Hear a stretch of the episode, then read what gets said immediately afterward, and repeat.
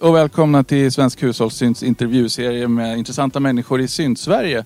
Idag sitter jag med DJ 50 spänn, Tommy Jönsson. Tjena! Hallå! Hur är läget? Eh, det är både bra och lite skakigt. En eh, kompis kan man väl säga eh, har, har dött nyligen. Jag fick reda på det idag. Aj fan. Påkörd av en lastbil i någon märklig trafikolycka. Så att eh, det var lite, en liten påminnelse om hur jävla kort, hur snabbt och brutalt det kan sluta.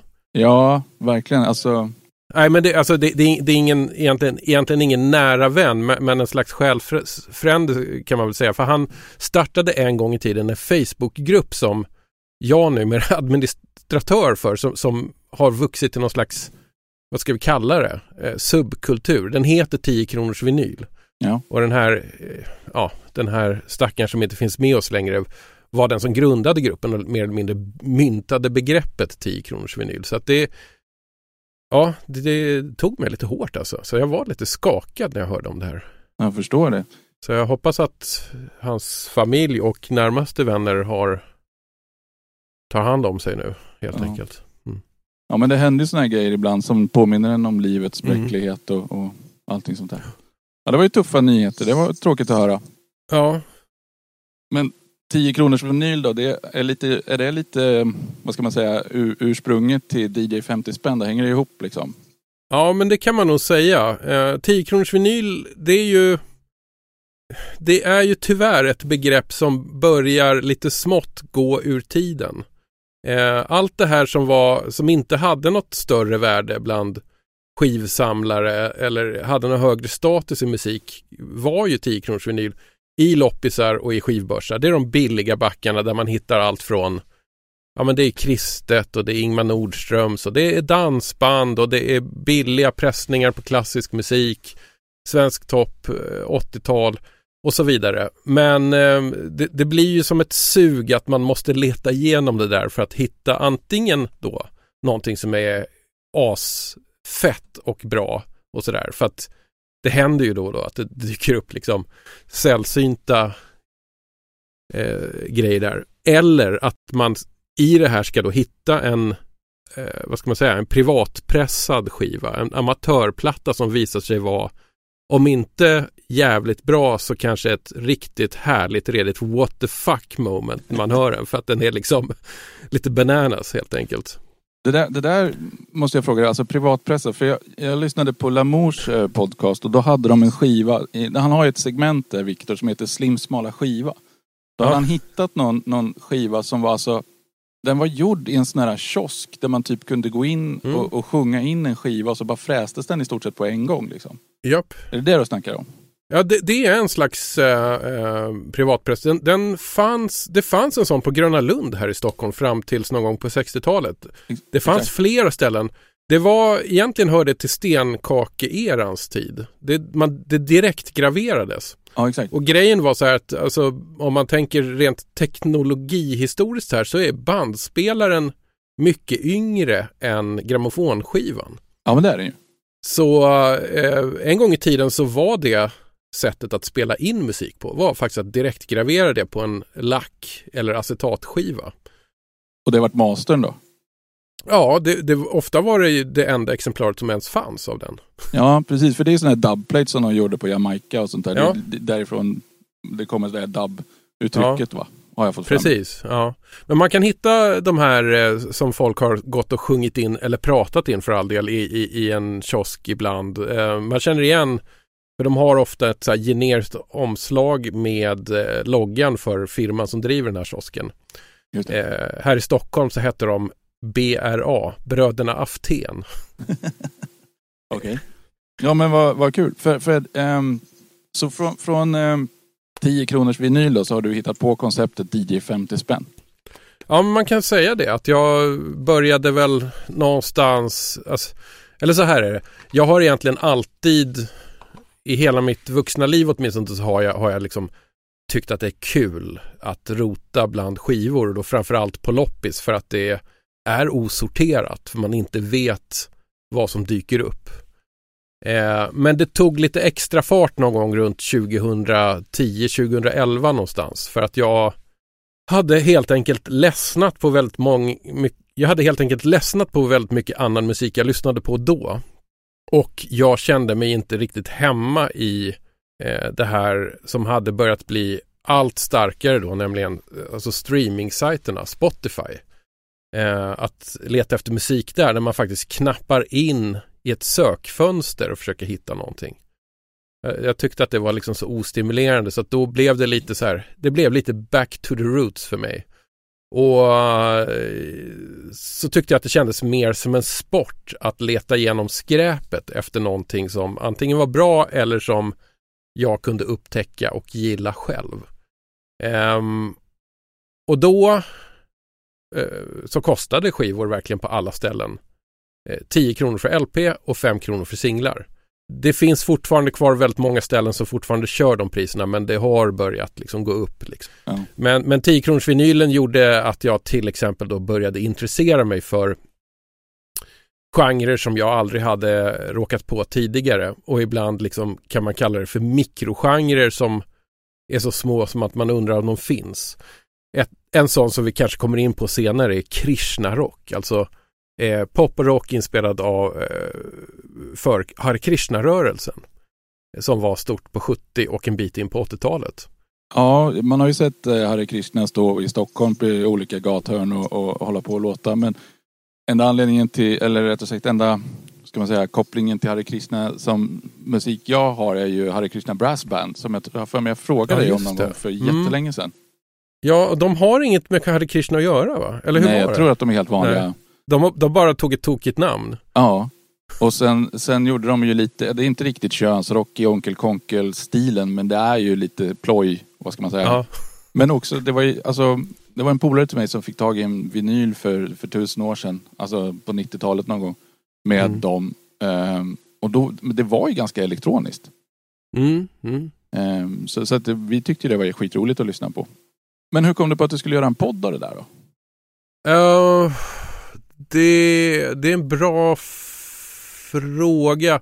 Jag tycker så här, jag, det som jag kan, jag kan inte minnas i detalj hur, hur idén exakt kom till men eh, jag vet att, att det fanns ett moment när jag producerade ett radioprogram som gick i P3 runt 2009-2010 eh, som hette P3 Kultur med Johanna Koljonen som programledare. Och vi hade alltså fyra program i veckan att fylla, två timmar. Eh, så vi behövde ju liksom hitta lätta reportage eller snackformat att göra. Mm. Och ett sånt som vi testade det var ju just så här, men vi, vi kollar hur långt en hundring räcker om man går och köper rea-dvd eller eh, eller går till skivbörsen och, och bara kollar på de billigaste. Eh, och då gick jag med en hundring tror jag till eh, Mickes skivbörs här i Stockholm och bara frågade så här, var står de billiga skivorna? Så pekade skivbörs-Micke eh, ner mot golvet. Så att jag liksom, ja, rotade igenom det där och kom med en ganska stor bunt. Och sen började han eh, syna varenda skiva då när jag kom till kassan. Eh, och hade någonting att säga om alla. Och det var ganska kul för då var det så att han ville ta José Feliciano, en sån här ja, men popartist eller singer-songwriter från 60-70-tal. Han ville verkligen uppa José Feliciano och började spela där och bara Kan du fatta att folk så här, inte plockar den här skivan? Det här är asbra. Och så du vet kollade han på den här kristna skivan som alltid står i 10 eh, Pelles gröna kallar vi den. Pelles lilla gröna. Av en kristen sångare som heter Pelle Karlsson. Eh, som hade en, ett sånt där album som sålde hur mycket som helst i Sverige. Han är min sång och min glädje. Den kollade han på liksom lite avmätt och sa ja men den här står ju hel, ligger hela tiden i de här dynghögarna och ingen tar den här skivan. Ingen vill ha den. Och då tänkte jag fan då blir det ännu mer spännande om ingen vill ha den. Hur jävla dålig kan den vara? Så lyssnade jag på den och eh, tänkte att men, ja, det är inte min favoritplatta på något sätt men så jävla fruktansvärd är den ju inte. Nej. Eh, men det är intressant att den verkligen står överallt och utifrån den skivan har det med åren utvecklats en liten vad ska man säga, en liten ritual skivgräver emellan att man, när man har letat igenom en skivback på en loppis då ställer man Pelle Karlssons gröna album längst fram där. För den finns alltid. Ja, dels som ett internskämt men också lite som Kilroy was here. Ja. Jag har redan rotat igenom det här. Här är det tomt. Ja just det, för då finns det inga riktiga rariteter. Nej, nej Men kan du lita på det då? Eller, eller har nej, det, flera... man, nej, men man rotar igenom ändå. Ja. Man tänker ju att det, de, det, man tänker ju alltid som snål skivgrävare att någon kan ha varit här och missat någonting. Ja, just det. Hur kan du, hur kan du lita på föregående persons kompetens? Liksom? Exakt. Och det kan ju också vara någon som, som, som bara känner till den där grejen och ställer, ställer Pelle längst så, fram. Ja men så kan det vara. Det, det finns ju en Facebookgrupp som bara handlar om att eh, hitta Pelle på loppis liksom, och ta en selfie tillsammans med Pelle. Ja, det är helt otroligt. Men, men du har hållit på ganska länge med, med DJ 50 spänn. Jag, såg, ja. jag kollade upp på uh, Apple Podcast. Det är ganska många avsnitt, 179 någon. Ja, jag har precis langat ut avsnitt nummer 173 som eller 172 är numret på det, men egentligen så har det väl släppts 173 avsnitt om man ska vara riktigt nitisk. Det har blivit något sånt här bokföringserror i, i nummerordningen. Ja. Eh, men DJ 50 spänn har i höst då eh, hållit på i tio år. Det är coolt. Eh, ja, ja, det är fantastiskt. Men jag råkar, jag, jag, tror att jag har sagt någon gång att jag kör så länge det finns LP-skivor för 10 kronor och singlar för fem spänn att köpa. Mm. Så jag får väl hålla det nu. Så får vi se hur länge till det blir. För grundidén för DJ 50 spänn är ju att jag eh, bjuder in en gäst som har någon form av intresse för musik och som inte är rädd för att liksom leta sig bakåt i musiken och så får den människan en budget på 50 spänn som den ska köpa fem skivor för. Mm. Då spelar man en låt från varje och så ser man lite vad skivan styr en in på att snacka. Och det som jag tycker är det sköna med det här är att det blir inte genrestyrt utan det kan, det kan dyka upp knätoffsmusik, det kan dyka upp någon jättemärklig privatpressad grej man har hört talas om. Det kan dyka upp liksom de största så här mainstream-artisterna från vinyleran då, då. Eh, det kan dyka upp eh, väldigt smala saker och ja, utbudet är fortfarande enormt. Alltså Sverige är ett fantastiskt land att vara skivgrävare i. Det ska man inte glömma bort. Många tror att det bara är bra i USA, kanske Storbritannien och sådär, men eh, Sverige ligger bra till. Låga priser, stort utbud. Folk köpte skivor så in i helvete på framförallt 70 och 80-talet. Jag tänkte säga det, vi var tidigare att köpa mycket. Folk hade mm. så här hemma hifi system på 70 och 80-talet. Mm. Och, och på 70 och 80-talet så var det också en väldigt stor, eh, vad ska man säga, stor import av reaskivor från framförallt USA men också till viss del eh, Storbritannien.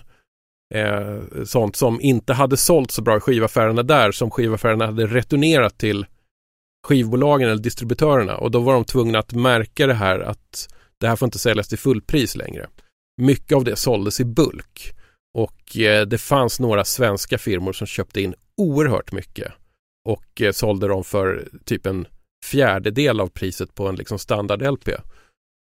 Eh, och det knäppa var att när den här importen var igång eh, liksom i högvarv på 70-talet då kunde ibland de här eh, prisnedsatta överskottsskivorna från USA det kunde ibland vara sådana saker som fortfarande inte hade släppts i Sverige. Oj. Så att det... men, men eh, jag tänkte på här, attityden till att köpa skivor kanske var lite annorlunda då också på 70 och 80-talet. Jag menar, mm. när, när, man, jag kommer ihåg när jag var liten så fanns det ju Domus liksom. Där gick ja. man ju och handlade typ allting. Och de hade ju en skivavdelning. Var det, lite ja, men... så, var det lite så då att man kunde ja, men plocka med sig en ny skiva med fredags mys mathandlingen liksom. Ja men jag tror det. För, att, för um, som du säger, liksom alla de här stora varuhusen och varuhuskedjorna hade eh, skivavdelningar. Eh, Domus hade det, Åhléns hade det. Eh, kolla de här lite mer prestigevaruhusen. NK här i Stockholm och NK fanns ju på andra håll i landet också. Mm. Hade jättebra skivavdelning. Eh, och det fanns ju väldigt många fristående skivaffärer också som ja, men sålde ganska, sålde ganska bra. Eh, egentligen såldes det ännu mer skivor under CD-eran. Mm. Eh, eh, alltså volymerna var ännu större då, men jag skulle tro att allt det har inte kommit ut på andrahandsmarknaden än. Eh, plus att eh, det kanske också är mer som går direkt till tippen där. Jag vet faktiskt inte. Nej, precis. Jag kan nog tänka mig att man inte riktigt ser något värde i CD-samlingen utan att liksom Nej, Inte på. nu i alla fall, men det kommer säkert. Det tror jag också. Men, men det där med att säga att det kommer ut på andrahandsmarknaden, då kan man ju fundera på vad det beror på. Kan det vara liksom att det kommer via dödsbon och sånt då kanske? I alla fall vad det gäller liksom eh, loppisar och second hand-affärer, second hand-kedjor så är det väldigt mycket eh, dödsbon och liksom flyttstädningar. Ja. Väldigt mycket också om, om du tänker då den första riktigt stora skivköpargenerationen, 40-talisterna.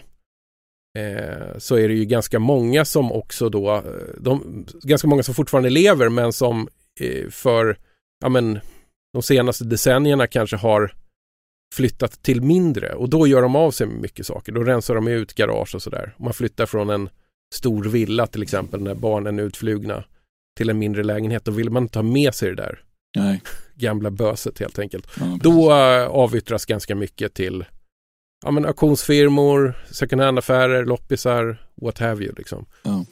Och då är det ingen som bryr sig om att gå igenom och se ifall det finns några riktiga rariteter. Man bara ja, viss, vissa gör det säkert men, men det, ju, det, tar ju väldigt lång tid så de flesta pallar ju inte. Nej, precis. Och därav möjligheten att hitta de här rariteterna och de där fina grejerna. Då, liksom. Ja, jag skulle tro att det, det är så de kommer ut. Liksom. Att det är någon som har haft du vet, haft en skivsamling som, som den har varsamt byggt upp och eh, kurerat genom åren och sen en vacker dag så känns det som att ja, den är inte värd så mycket längre. Liksom. Den, den har inte samma affektionsvärde och då kan man göra sig av med den. Mm. Men vad tror du, alltså det här har jag funderat lite grann på med just vinylen, varför den är så populär. Vad är det mm. som tilltalar den, alltså dig med den? Ja, alltså det har ju jag, jag kom på en sak häromdagen. Jag, spelade, jag har varit och köpt ett helt, liksom ett, ett helt gäng singlar lite på chansning på loppis och de var i halvbra skick får vi väl säga. Uh, och när jag spelade igenom det här så började jag märka att fan jag tycker om att det inte låter så bra. För att de här var ganska välspelade och det var lite skränigt och skrapigt ljud och sådär. Och då kom jag på att det är en del av charmen att eh, man får lite patina på det. Det gillar jag. Jag, jag. jag, förstår om man inte gillar det. Men jag gillar mest av allt eh, ritualen och att man har något fysiskt att hålla sig i. Jag, som många andra i, i min ålder, jag är 50 nu, så har jag hakat på, alltså jag har ju sett utvecklingen från vinyl och kassett till CD till att CDn mer eller mindre bara eh, överges för först då fildelning och sen streamingtjänster. Eh, och jag har tyckt att det har blivit lite tråkigare för varje steg. Att det har blivit lite mer som att gå till jobbet. Man, man använder någon slags digitalt arbetsredskap för att till slut för att administrera musiken. Att man sitter och flyttar grejer mellan eh, mappar. Man, man, alltså det, det känns som Excel. Mm. Och det är det jag inte har riktigt, riktigt kunnat köpa sådär. Utan jag, jag gillar känslan av att ha ett stort omslag. Man tar ut skivan, man lägger den på en grej, det snurrar. Det mekaniska i det tror jag. Att jag, jag gillar liksom den grejen. Jag har aldrig gått igång lika mycket på kassett till exempel. Och det har kanske att göra med att jag helt enkelt gillar stora åpäkiga grejer mer än de små smidiga. Skulle kunna köpa rullbandare i så fall. Ja, det är ju risken. Jag har, jag, jag eh, nappade på en sån här eh, rullbandare bortskänkes för ett tag sedan. Jag har inte riktigt kommit igång med det, men det, det, det är en möjlig väg för mig att vandra. Ja, ja men jag förstår det. Alltså just den här ritualbiten håller jag ju med om. Det, det, mm. det, det, tycker jag också om. Men jag är ju för, samtidigt är jag ju för lat. Det blir liksom inte att jag kom, kom, konsumerar musik på det sättet. Nej. Utan det blir liksom... Alltså musik har ju fått tagit, jag ska inte säga en baksätesroll i mitt liv, för det har den inte. Musik är jätteviktigt och jag konsumerar mm. musik dagligen. Liksom. Men, men sällan på det aktiva sättet som man ju gör med att, att sätta på, som, som Peter Josefsson från Blå Måndag berättar, han mm. sätter sig liksom ner varje dag, ja. dricker kaffe och lyssnar på en vinyl. Liksom. Mm. Från början till slut och sitter och funderar igenom saker. Alltså det, det avundas jag, det skulle jag också vilja göra. Men, men jag ja. gör inte det. Nej, nej men det, man, då, då, måste man liksom skapa sig liksom tid eller utrymme för det i vardagen tror jag. Ja. Uh, för min del så har det ju blivit nu att numera så har jag ja, skaffat mig ett eget arbetsrum snedstreck frilanskontor som jag har dessutom då anpassat till att bli en, en helt okej ljudstudio med liksom kontrollerad akustik eh, plus liksom skivspelare, mixer, eh, skivhyllor, allt sånt. Och då, ja, då det, det, kan bli, då kan det bli min tillflyktsort. Så att om jag har en helt vanlig arbetsdag och jobbar med något helt annat så kan jag fortfarande börja den med att man tar en LP-sida på en skiva som man behöver lyssna igenom för att man har chansat på den. Mm. Tänkte att det var spännande.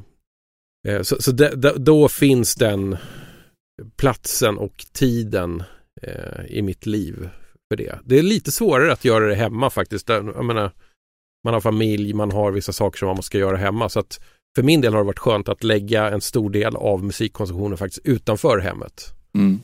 Knasigt nog. Även om jag lyssnar på skivor hemma också.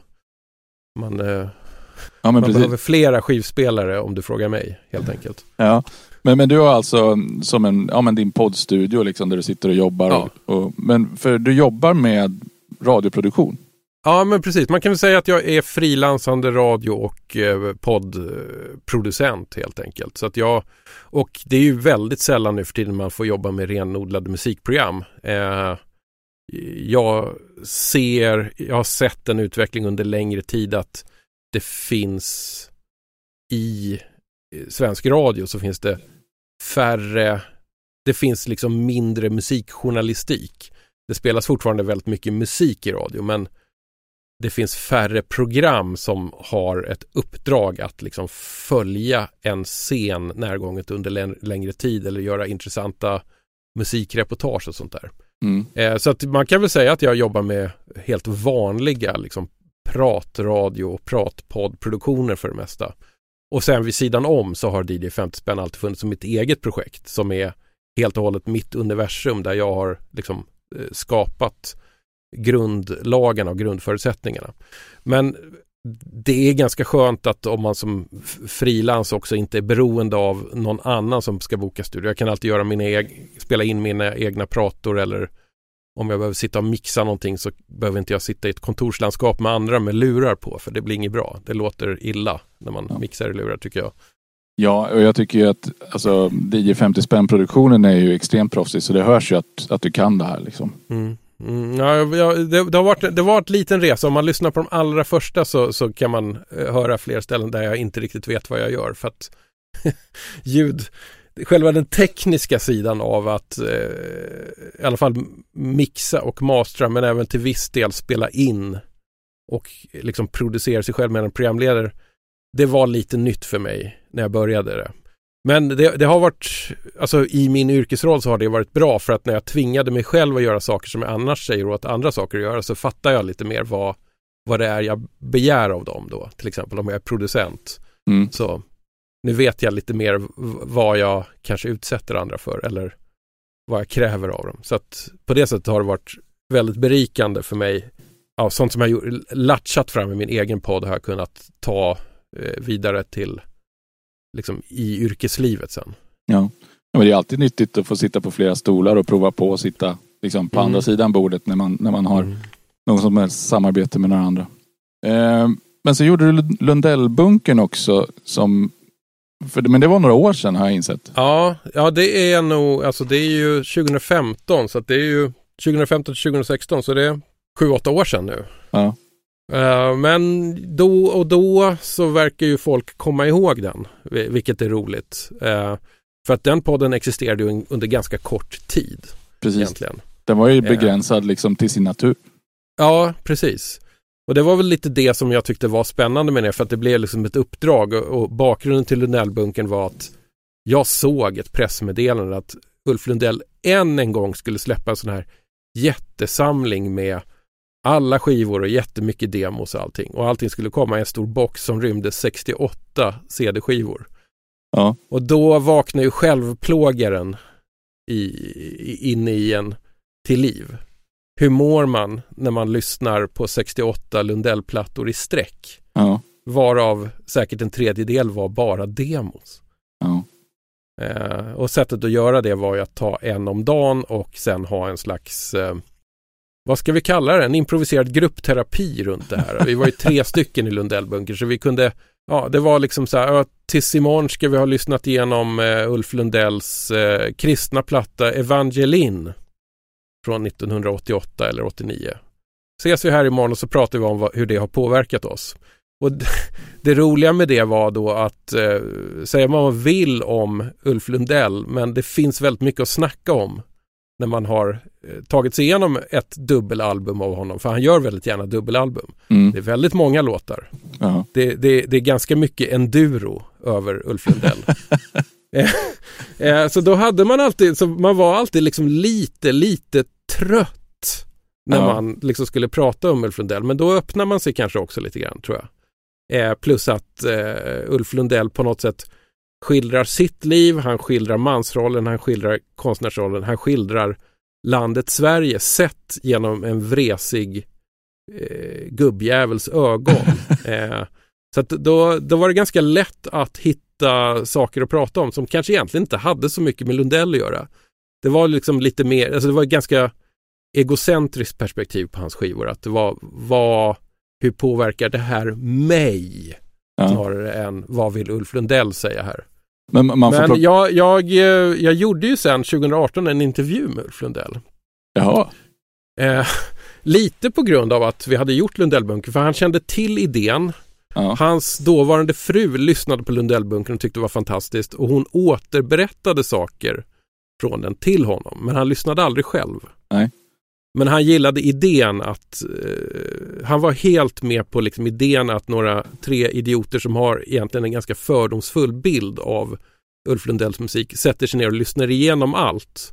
Verkligen allt. Och sen pratar om det. Skitsamma om de hatar hälften. Han gillade hela den eh, grejen. Så det ledde ju till att jag faktiskt fick sen några år senare eh, träffa honom. Mm. Eh, vi kunde inte prata så mycket om det här eftersom han inte hade lyssnat på Lundellbunken. Men jag, för mig var det ju tacksamt för då kunde jag ju liksom lyfta in mig själv i det här. Och, och säga jag tyckte så här när jag hörde den här. Och så Ja, kan han då säga så, ja men det var inte så jag menade det. nej men, men det är lite det, är inte det lite grejen med artistskapet också egentligen? Att, att man slänger ut någonting och sen så Ja. ser man hur folk påverkas av det och så här. Ja, jag antar det. Eh, Ja. så, så det var, ja men det var, det var Lundellbunken som var, alltså det var väl en lyckträff på det sättet att det var, alltså det kom också under en tid när poddhypen kanske var som intensivast i Sverige. Att podd var det heta av någon konstig anledning. Och då kom vi in lite från sidan med ett eh, lite annorlunda format och lite annorlunda tilltal eh, och lite annorlunda form. Det här var ju aldrig tänkt att bli en evighetspodd som, jag menar, Filip och Fredrik, Alex och Sigge, alla de här, de är ju egentligen gjorda för att kunna fortsätta decennium efter decennium. För att Mm. det är ett snack kompisar emellan som utvecklas i takt med deras liv. Men här hade vi ett uppdrag att göra. Ja. Och, och, alltså, jag gillar ju båda formaten men, men, men jag fascineras lite av just det här att ni har bestämt er för liksom en, en, en period som ni ska hålla på med en specifik sak och sen så spelar det ingen roll hur bra och populär den blir. Den är slut när den är slut liksom. Ja, ja men det var, det, det var lite det som var jag tror att det var det som vi var ute efter, att det, att det skulle finnas en, en jättetydlig början och ett jä- jättetydligt eh, slut. Mm. Eh, och att den resan skulle liksom skildras och egentligen inte sådär så mycket mer. Sen, hade, sen efteråt så var det ju väldigt mycket så här, vi måste följa upp det här på något sätt. Men vi kom aldrig, tycker jag i alla fall, vi kom aldrig riktigt på en sån lika bra självklar idé att följa upp det där med. Så att det kanske var menat att det skulle ta slut på den sista Lundellplattan helt enkelt. Ja. Alltså, men det hänger ju lite grann på att hitta någon annan lika produktiv artist i så fall. Eller ja, om det ska vara Ja. motsvarande tema Ja, så att säga. Men, det, men det, jag- finns nästan inga lika produktiva artister. Nej, för det jag tänkte på var lite grann det här. Vad, vad, är det med, vad är grejen med artister som är så fruktansvärt produktiva? Är de bara väldigt egenkära och ger ut precis allt de spelar in? Eller vad, Ja. liksom, vad kom ni fram till när ni lyssnade på honom? Nej, men jag tror att vi kom fram till att det finns en typ av konstnärssjälar som jobbar arslet av sig hela tiden och överproducerar för att annars går de under. Mm. Och Ulf Lundell skulle jag vilja påstå är en sån. Om, om han inte har musiken eller någon ny bok eller måleriet så då tror jag att han hamnar i någon slags vakuum som är riktigt farligt. Mm. Så det är därför jag tror att hans böcker också, de blir tjockare och tjockare. Ja. Skivorna sväller i omfång. Jag vet inte om det är sant men, men jag, jag anar någonstans att det, det han ger ut, om man säger så, oavsett om det är musik eller böcker eller måleri, det, det är ingen riktigt som pallar med att vara redaktör för det heller och rensa i det, utan det får, det får komma ut i de här stora klumparna som, och volymerna som, som det blir. Mm. Men, men det som är, jag tycker är lite intressant här är att det finns ju raka motsatsen till honom också i, i, i folk som är väldigt noggranna med vad de ger ut och, och, och som, Mm. jag menar, som ett, ett annat band, alltså Kraftwerk har ju alltid varit väldigt specifika och liksom inte släppt över mycket grejer. Nej, nej, men efter 1986 så är det som att de, känns det som att de nästan tog ett beslut att nu ska vi egentligen inte göra något nytt. Nej. Nu har vi, nu har vi gjort det vi skulle, men vi kan ju remixa lite och vi kan turnera. Alltså det, det, jag, ibland undrar jag om de hade något slags, om Ralf och Florian hade ett så här boardroom meeting och bestämde det. Mm. För att Nu- det är ju, det är ju, alltså det har kommit nya grejer från kraftverk efter 1986 men det är väldigt lite. Ja, exakt. Ja, Expo 2000 kom ju där. Eh, någon, någon och det är ju EP. en jingel liksom Ja. egentligen. Det är ju det är ett beställningsjobb. Ja. Och sen, nu kommer jag faktiskt, nu får jag skämmas men jag kommer inte ihåg vad deras album hette som kom för ja, de tio år sedan. Var det Tour de France? När de liksom tog med Tour de France-låten och Ja, hade... de, de, de gjorde liksom som en, en, eh, en utökning av Tour de France med nya låtar. Mm, Som hette då också sådana här, de hette väl så här elektrokardiogram och sådär. Det var oerhört ja, De spinner ju vidare på det här tematiska men det som kanske var lite besvikelsen gissar jag för många var att de gick tillbaka till ett gammalt tema. Som Mm, de egentligen redan hade gjort på världens bästa maxisingel nästan. Liksom. ja, exakt. Vilket, som, vilket ju är lite konstigt för dem då, att de hade släppt den som en maxisingel utan att den liksom var med på något album. Ja, och den låter ganska annorlunda från allt annat. Sådär, att det, det är liksom Ja, jag tänker på det ibland. Jag lyssnar faktiskt ibland på just Tour de France för att den känns som en så rolig parentes i, i liksom det moderna kraftverk. Att mellan Computer World som har, alltså det har, det har ju verkligen ett signatur sound. Man hör ju direkt kraftverk 1981. Ja, Och sen den här liksom lite digitalare Electric Café som, som ändå är en sammanhållen konceptuell platta. Så bara ploppar de ut sig en så här, elektrodänga med lite cykelljud och en harpa och lite sådär Ja. kul. Ja, den har ett helt annat sound som inte känns så eh, Alltså den är ju på, på många sätt perfektionistisk men man kan också höra att den låter lite lekfullare än vad de kanske Ja. lät sen på eh, Electric Café till exempel. ja och den låter ju nästan lite grann som en blandning mellan Computer World och, och, och eh, Trans-Europe Express Ja, precis. I soundet. Med, ja, med någon så här att de har typ lånat in någons Fairlight sådär. Vi Ja. testar det här med sampling nu. Ja.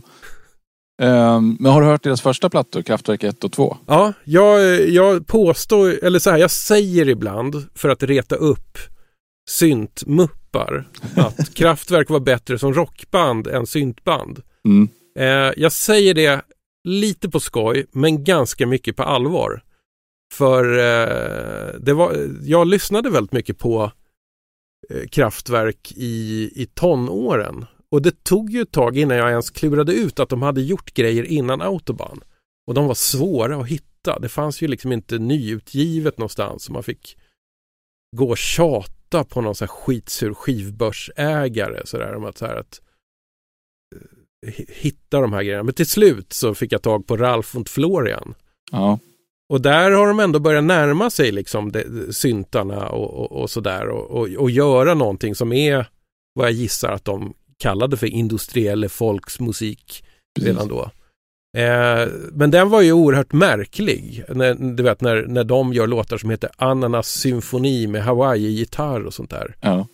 Eh, så den stökade till det jättemycket i huvudet och via den då så började jag kolla upp så här andra människor som fanns i kraftverksnärhet då. Vad hade de gjort? Så att där någonstans, jag vet inte vad, fem, kan ha varit 15, 16, 17 år.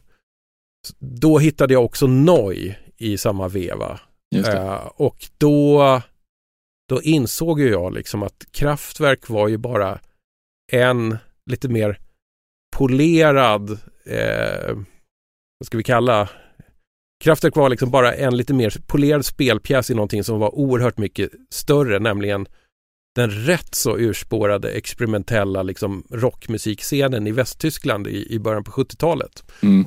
Och så att efter att jag hade hittat Ralf und Florian på en skivbörs så började jag hitta de, de andra två tidiga kraftverk.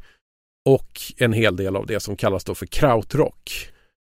Eh, och där började väl liksom eh, ett, ett, ett musikaliskt äventyr som fortfarande håller på. Liksom, för att det har kommit ut, det gavs, eftersom Tyskland var ett sånt Wirtschaftswunder, alltså ett sånt ekonomiskt under där efter andra världskriget och hade en så stark, eh, hade en så stor ungdomsgeneration som också ville distansera sig så mycket från allt gammalt och mossigt.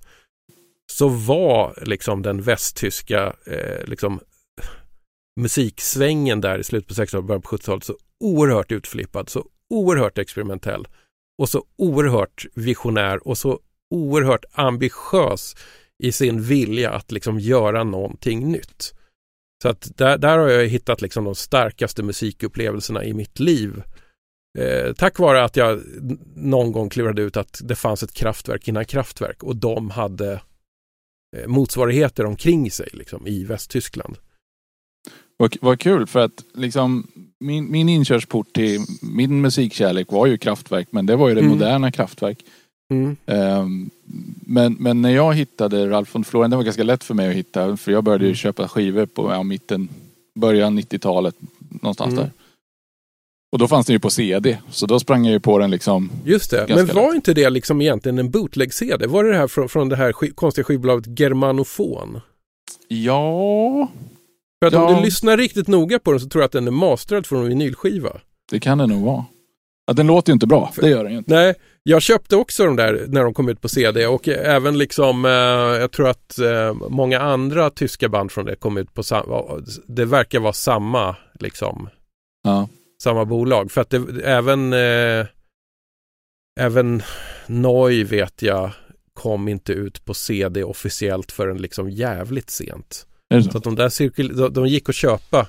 Jag minns att man kunde köpa dem på Mellotronen skivaffär här i Stockholm. Där.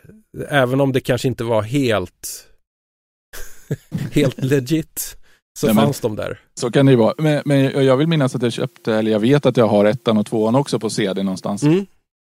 Och det kan ju vara likadant med dem då, att de inte riktigt är officiella då. Ja, nej, men jag, jag, jag tror det för att det, det, har varit, jag har jag har läst intervjuer med, med Ralf Hytter i modern tid och så har, all, har de alltid frågat så här, men det, de här skivorna innan Autobahn, då, ska ni inte ge ut dem? Så här, jo, jo, vi håller på med det, men eh, det, det, är inte, det är inte först på priolistan och sådär.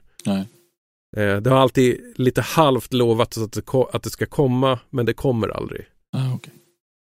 Men eh, nu när du säger det så, så det här med att öppna upp en helt ny värld för dig, det har jag tänkt på lite grann. För, för, för jag menar, det finns ju oerhört mycket musik. Mm. Och, och, precis som alla andra saker, ju, ju, mer man lär sig om någonting desto mer inser man hur lite man kan. Ja, jo, men så, så är det ju verkligen. Och, och, och, jag tänker mig att du måste ju ha lärt dig så pass mycket om hur mycket skivor och artister och band och genrer och allting sånt där det finns. Att du måste ju inse liksom någonstans hur otroligt stort det här området är. Ja, nej men det är, alltså det är nästan skrämmande att tänka sig för det är ju nästan som att tänka sig hur stort universum för att jag, jag tycker ibland att jag borde ha borde känna igen skivor när jag är ute och liksom gräver men det dyker ändå alltid upp någonting som jag aldrig har sett förut eller aldrig hört talas om förut. Mm. Eh, och då behöver det inte vara från något exotiskt hörn av världen utan det kan lika gärna vara liksom något märkligt lokalt band på något litet sketet liksom lokalt skivbolag någonstans. Det tar aldrig slut. Nej. Och, det, och det, det är så märkligt att det kan vara så. Det är klart att, att det finns en begränsad mängd på något sätt men, men det tar jag tror att det tar ett, även om man bara så här lyssnar så att säga bakåt, även om man bara lyssnar retrospektivt, så gjordes det under efterkrigstiden, om vi ska säga det, så mycket musik att man inte har en sportslig chans att höra rubbet. Det kommer inte hända. Man Nej, kommer alltså- inte lyckas med det. Rent tidsmässigt så finns det ju säkert alltså, mer tid än man har kvar i livet liksom och, och lyssna på det där. Trots att, trots att det är en finit mängd så är den ju otroligt stor så att säga. Mm. Men, men en, ändå så ligger det ju liksom, och det tycker jag är lite charmen med det. Alltså en, en, en skiva som gavs ut, riktig skiva, den ska ju spelas in, den ska mixas, den ska mastras, den ska pressas, den ska distribueras. Det ligger ju liksom lite energi bakom alla de där. Ja, det är ju väldigt mycket jobb egentligen om man tänker ett helt, ett helt albums produktion. Ja. Eh, jag, jag har ju ibland svårt att liksom förstå hur de ens kunde hämta hem de investerade pengarna i, om man kollar så här skivbranschen bakåt till 70-80-talet. Men det tror Kan ju, det ha funnits så mycket pengar liksom att lägga på musik? jag tror Men ju, uppenbarligen har det gjort det. ja eller så är det ju, eller så är det jävligt många som har gått back. Ja, För det, det tror ju jag. Så jag tror att alltså både entusiaster och sen så är det nog... Alltså jag vet inte om jag har en id- idoliserad romantisk bild av den här tiden men jag har för mig att det fanns liksom hustlers i varje gathörn. Liksom, Mm. Det fanns mini-Bert Karlsson eller kanske mikro-Bert Karlsson som sprang runt och bara fan det är klart vi ska ge ut en skiva liksom. Det är klart Ja. vi ska spela in dig liksom. Och så kände någon som kände någon i någon studio och så lyckades man få till något på små timmarna och så. ja. Så här, det tror jag ligger bakom mycket av det där. Mm, mm. Nej, men det, det, det, jag tror det. det. Det kryllar ju av små kortlivade skivbolag Mm. eh, som, som man som så här, vad ska man säga, eh, loppis sunk vinylgrävare så får man ju till slut en, en, en, en, en katalog i huvudet över i alla fall svenska små skivbolag som hade kanske nischad utgivning, kanske existerade i något lokalt sammanhang. Mm. Eh, det, det finns, det har man många många, många exempel. Jag såg just i häromdagen då så var jag faktiskt inne och letade efter eh, lite gamla grejer på Spotify. Då, då märkte jag att skivbolag som fanns på 60-70-talet som hette Lifone, Lifone. Eh, svenskt bolag, inga stora hittar, inga stora artister någonting sådär, men gav ut jättemycket. De hade ju hivat upp nästan allt, hela sin katalog på Spotify nu. Så det var en fest att sitta där och lyssna igenom. Hälften av allt är någon slags västkustbaserad dragspelsmusik, men de har även signat fusion, hårdrock, någon slags flummusik också. En del liksom dansband som är snuddar vid disco, så att jag menar det är ju, det är ju liksom en tålamodsgrej det där att bara gå igenom det där och hitta saker som man gillar i det. Och kanske också lära sig stå ut med att eh, musiken du kommer höra här kanske inte är perfekt men den kanske har andra värden man kan uppskatta. Tror du, äh, men tror du att skivbolag har samma roll idag som de hade förr? Nej, inte riktigt. Alltså det har, det har ju förändrats på det. De stora skivbolagen har ju liksom konsoliderats och blivit så här megacorporations som dessutom har köpt in sig i Spotify för att det är ju deras liksom kran till pengar idag. Hur det går för liksom mindre bolag vet jag fan, men, men det är ju ganska vanligt att artister har sitt eget skivbolag och sen om det går bra för dem så licensierar de ut musiken till storbolagen liksom, eller har någon form av sån distributions och marknadsföringsdeal. Mm. Men, men det är inte riktigt samma det finns kanske fler skivbolag idag än vad det har gjort tidigare. Eh, men de har inte samma roll och det finns kanske inte de här små mini-Bert Karlssona i varje gathörn. Nej. Tyvärr. Ja, tyvärr. Och sen så tycker jag att det fanns liksom en period när, man, när skivbolag stod för en viss kvalitetsstämpel på något sätt. Man fick en Ja. känsla av att liksom, ja men de ligger på Energy, de är bra. Eller de ligger på, på Burf, då är det den här typen av musik. Då vet ja, men man precis. Ja. Det, det, jag tror att det finns kvar säkert jättemycket inom eh, så här, vissa genrer där eh, artisterna kommer och går eller artisterna byter alias. Jag menar inom dansmusik, kanske inom synt, inom punk och sådär. Så kan ju fortfarande skivbolags namn vara garanten för att man får det man vill ha. Mm. Eh, men jag tror att det kanske fanns det i fler genrer förut. Som ett exempel, jag kan nämna här eh, en gäst som var med i DJ 50 spänn för lite mindre än ett år sedan. Eh, som har jobbat i den svenska liksom, dansbandsindustrin, på Marianne till exempel. Mm. Och sen jobbat även på Frituna och EMI eller vilka det var som köpte dem. Han, den här gubben då, är väl uppåt 60 nu. Han eh, startade då ett dansbandsskivbolag för några år sedan i samarbete med eh, Ginsa. Ja. För det råkar vara så att Ginsa då som säljer skivor och lite annat, de sålde ändå större delen av de fysiska dansbandsskivorna som, som såldes i Sverige. De Ja. hade liksom större delen av marknaden där. Inte megabanden, eh, men alla andra band.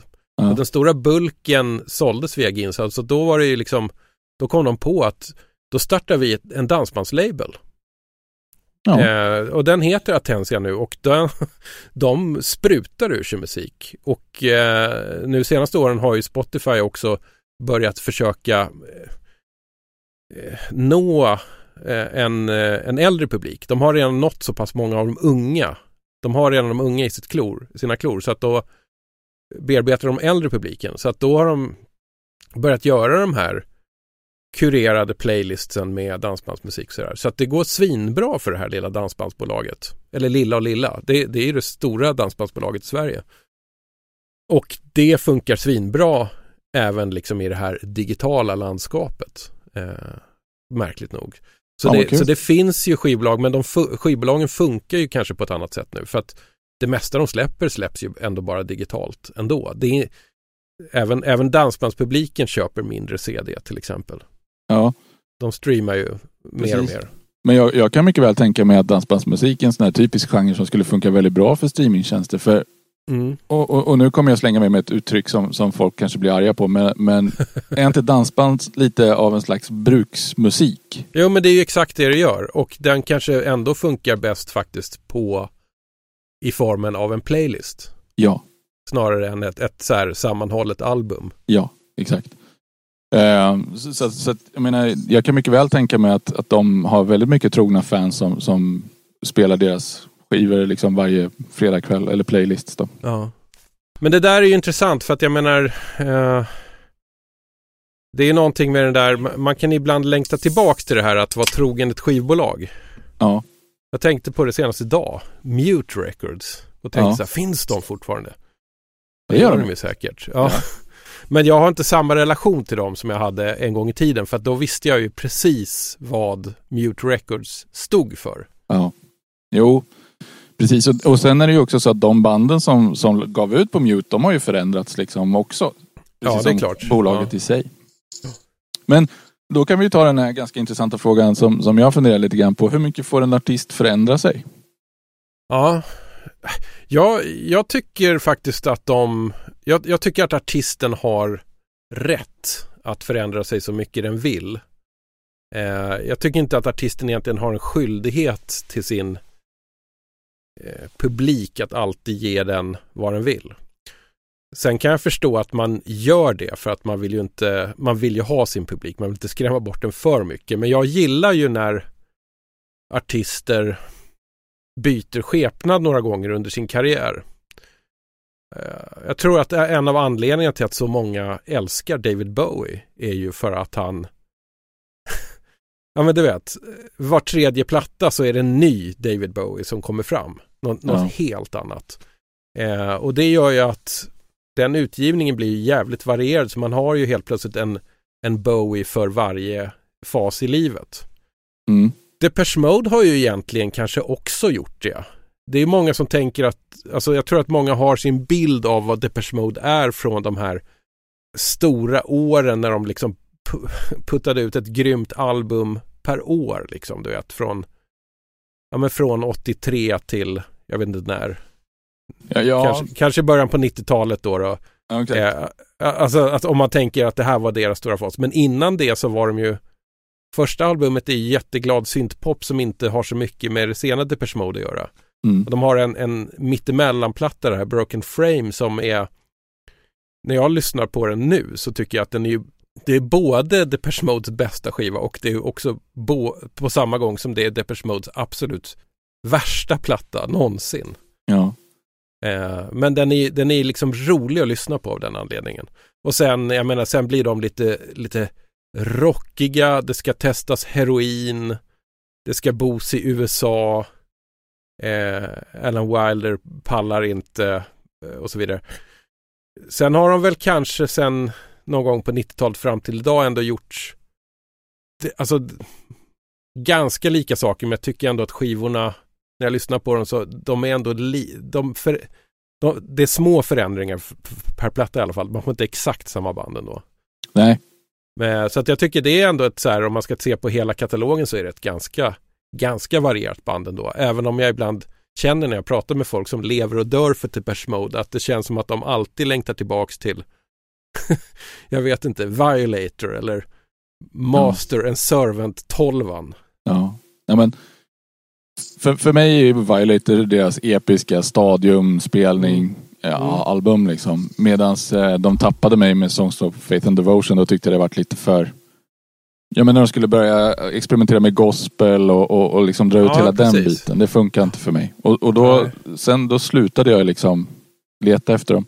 Men jag menar vi pratade ju nyss om kraftverk. De har ju förändrats ganska hyggligt. Jag menar från Autobans ja. B-sida till, till ja, verkligen. Eh, Electric Café liksom. Ja, men det är ju samma sak där. Det är ju liksom när ett band är som störst och liksom så här, då tänker man att det här är vad de är och tänker inte på att det fanns ett före och ett efter det och det kommer ett efter det också sådär.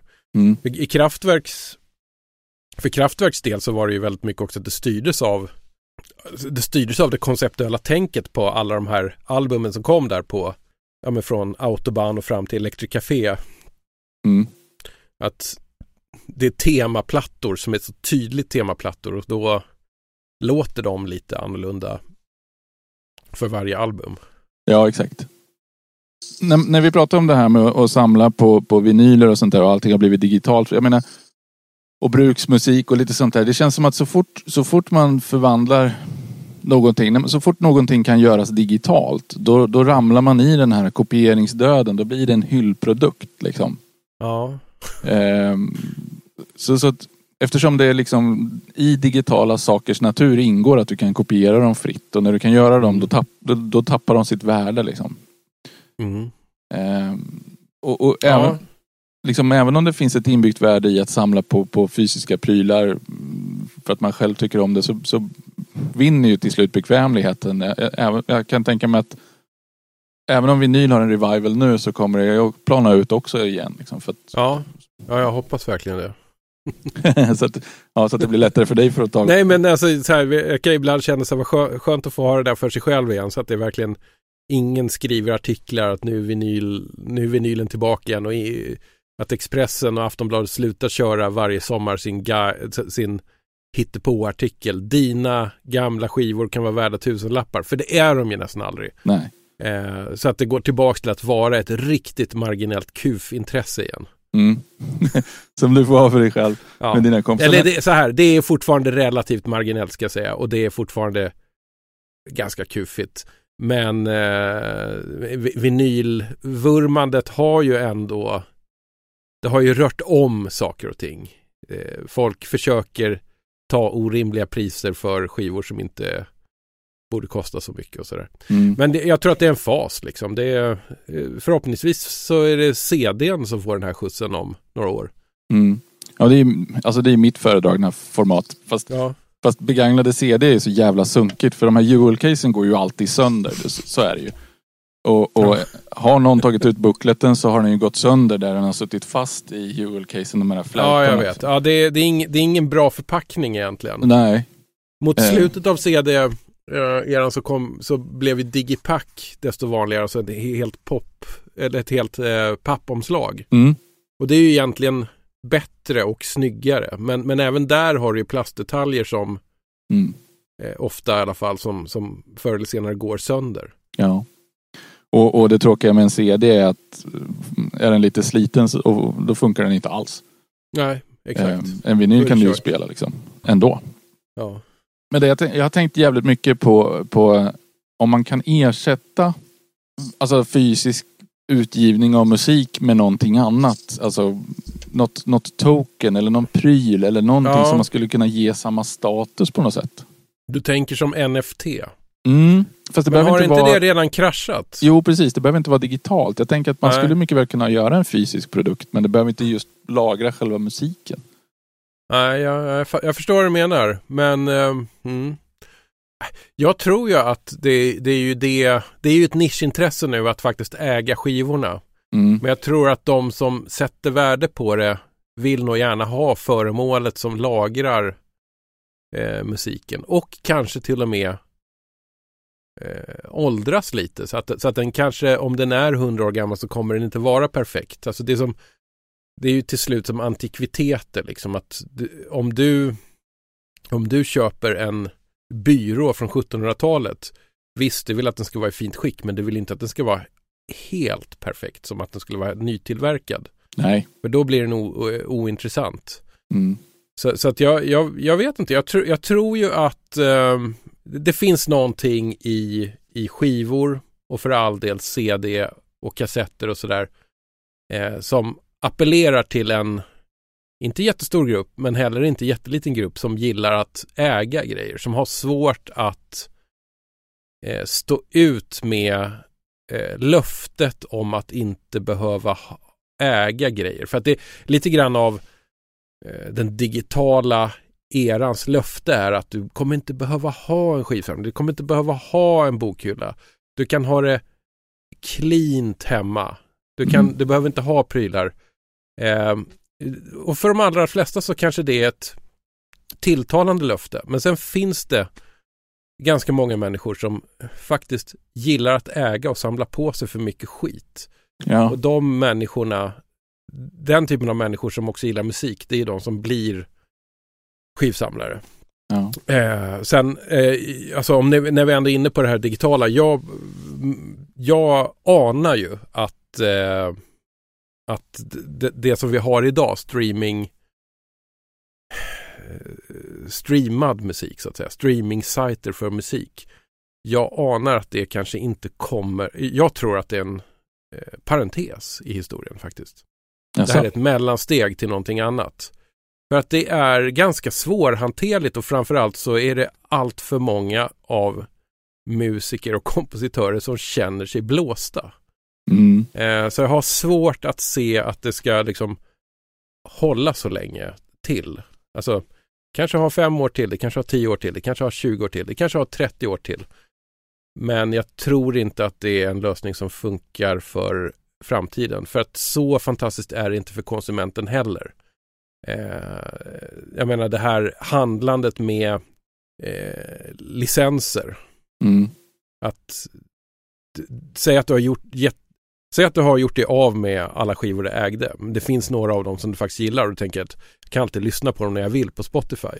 Men en vacker dag så kanske den som äger rättigheterna till det här inte är sugen på att licensiera ut den längre. Mm. Och då kommer den inte finnas och då kan du inte göra någonting åt det. Ja, då är man ju rökt. Då är man rökt. Ja. Och det kanske inte, man kanske inte går under som person av den anledningen, men det blir ju det blir ju tråkigt. Så en, en del av eh, samlandet eller hårdandet är, är ju för min del att jag tänker att det här, det är bra att ha, om, om jag älskar det, då Mm. borde jag ha en egen kopia. Just in case. Jag har också tänkt lite att, att nästan alla, kan man säga, eller det går väl i cykler lite grann. Nu, nu kanske jag extrapolerar lite för mycket, men, men jag har Ja. tänkt lite grann att saker och ting har en tendens att decentralisera sig. Ja, Men, men alltså streamingtjänster är ju raka motsatsen. De centraliserar ju något oerhört och man blir helt beroende av deras infrastruktur. Går, går Spotify servrar ner, då är, då är det ju kört liksom. precis. Det är ju det som är eh, det är det som är akilleshälen för alla de här catch-all lösningarna som är baserade på är helt och hållet internetbaserade. Att Ja. Ja, nej men det, det är, alltså man kan måla upp ganska sköna dystopier tror jag om en framtid utan musik på grund av att eh, de som sitter på rättigheterna inte är sugna på att låta det komma alla till hands eller att no servrarna går ner eller att internet inte existerar en vacker dag. Så att, ja, eh, jag, jag gillar ju dystopier så att jag, jag tänker att jag försäkrar mig lite mot det så att jag kan, jag kan, jag kan alltid lyssna igenom några skivhögar i fall, in, in case liksom, just in ja. case. Nej men jag menar Spotify har ju inte gått med vinst något år. Så jag menar hur länge, hur länge, har de pengar att, att bränna? Ja, det är, en, det är en väldigt bra, det är en jävligt intressant fråga för att hur, hur länge får eh, moderna teknikföretag gå med förlust? Mm. Ganska länge så länge det, det, går att trumma upp en hype som gör att eh, riskkapitalkranen är öppen. Liksom. Så länge du växer på något sätt så kan du gå med förlust i den här nya digitala ekonomin. Så har jag förstått det i alla fall. Ja, samma. Mm. Men, Men, när du väl når punkten när du inte kan växa längre, då finns ju risken att riskkapitalkranarna dras åt jävligt, dras åt jävligt snabbt. Ja. Och eh, om du inte kan vända till vinst där då, ja, då, då är det rätt kört för dem. Mm. Och de är dessutom beroende då av de stora skivbolagen som sitter på mer än hälften av världens musik rättighetsmässigt. Mm. Ja, om de inte tycker att det är värt att dra någon annanstans med sin musik. Mm. Ja, då är det väldigt många miljarder investerat som, som man inte får tillbaks. Nej. Men nu om vi ska börja prata lite, lite syntar. För mm. din eh, relation till syntar. Du, du sa i något meddelande till mig att du var gammal syntare. Det stämmer. Eh, jag, var, jag var jävligt inne på synt kan man väl säga från 13-14 års åldern och fram tills jag var 17-18 och sådär. Jag får lite eh, återfall ibland men eh, man kan väl säga att jag, jag, jag fastnade för först kraftverk. Eh, och sen råkade jag höra Front 242 någon gång tyckte att det var jävligt maxat. Och efter det så började man leta och då var vi en liten krets av människor som man fick nys om någonting och så köpte man en skiva på chansning eller man fick kopiera till band. Förlåt. Man fick kanske kopiera till band och då hittade man band som Skinny Puppy, Nightser Ebb, eh, Frontline Assembly, what have you liksom. Jag gillade den där lite hårda mekaniska eh, synten om man säger liksom mitten till slutet på 80-talet. Mm. Eh, väldigt mycket. Sen ledde det för min del ganska automatiskt in på eh, house och techno faktiskt. Så att någonstans runt 90-91 då, då tappade jag lite intresset för de här syntbanden som man hade lyssnat så väldigt mycket på. Kanske också för att jag tycker nog att Front 242 och Skinny Puppets de blev lite sämre också i samma veva så det kan ha spelat in. Mm. Eh, så. Eh, men jag, jag har också gillat liksom själva synthesizern som eh, instrument. Eh, för att en av de allra första skivorna som jag faktiskt gick och köpte i en skivaffär. Mest på grund av att jag hade sett en jävligt cool video på tv. Nu snackar vi så här 83, 84. Det var Herbie Hancocks eh, Future Shock. Mm. Albumet med låten Rocket. Det är egentligen elektro. Eh, alltså singeln Rocket är eh, elektro, det kan man inte säga någonting annat om. Men resten av plattan det är ju ganska avancerad jazzfusion om än med väldigt mycket synthesizers. Oerhört spacad musik att som liksom 11-12-åring trilla in i. Mm. jag, var, jag var också väldigt fascinerad av breakdance. Det lilla jag hade sett av breakdance och hiphop runt 84. Och det var verkligen inte mycket. Det, det spelades ju aldrig någonstans. Man hade snappat upp det någonstans, kanske i något tv-program. Så en annan så här tidig skiva jag köpte var en samlingsskiva från eh, skivbolaget Street Sounds. Electro 4 heter den, eller Electro 5 och det är alltså Electro hiphop. Men den var ju oerhört syntig på den tiden. Det var trummaskiner och syntar och sen om någon rappade eller om det var coderröst som som sa att du skulle dansa breakdance eller inte, det spelar ingen roll, allting lät eh, oerhört coolt.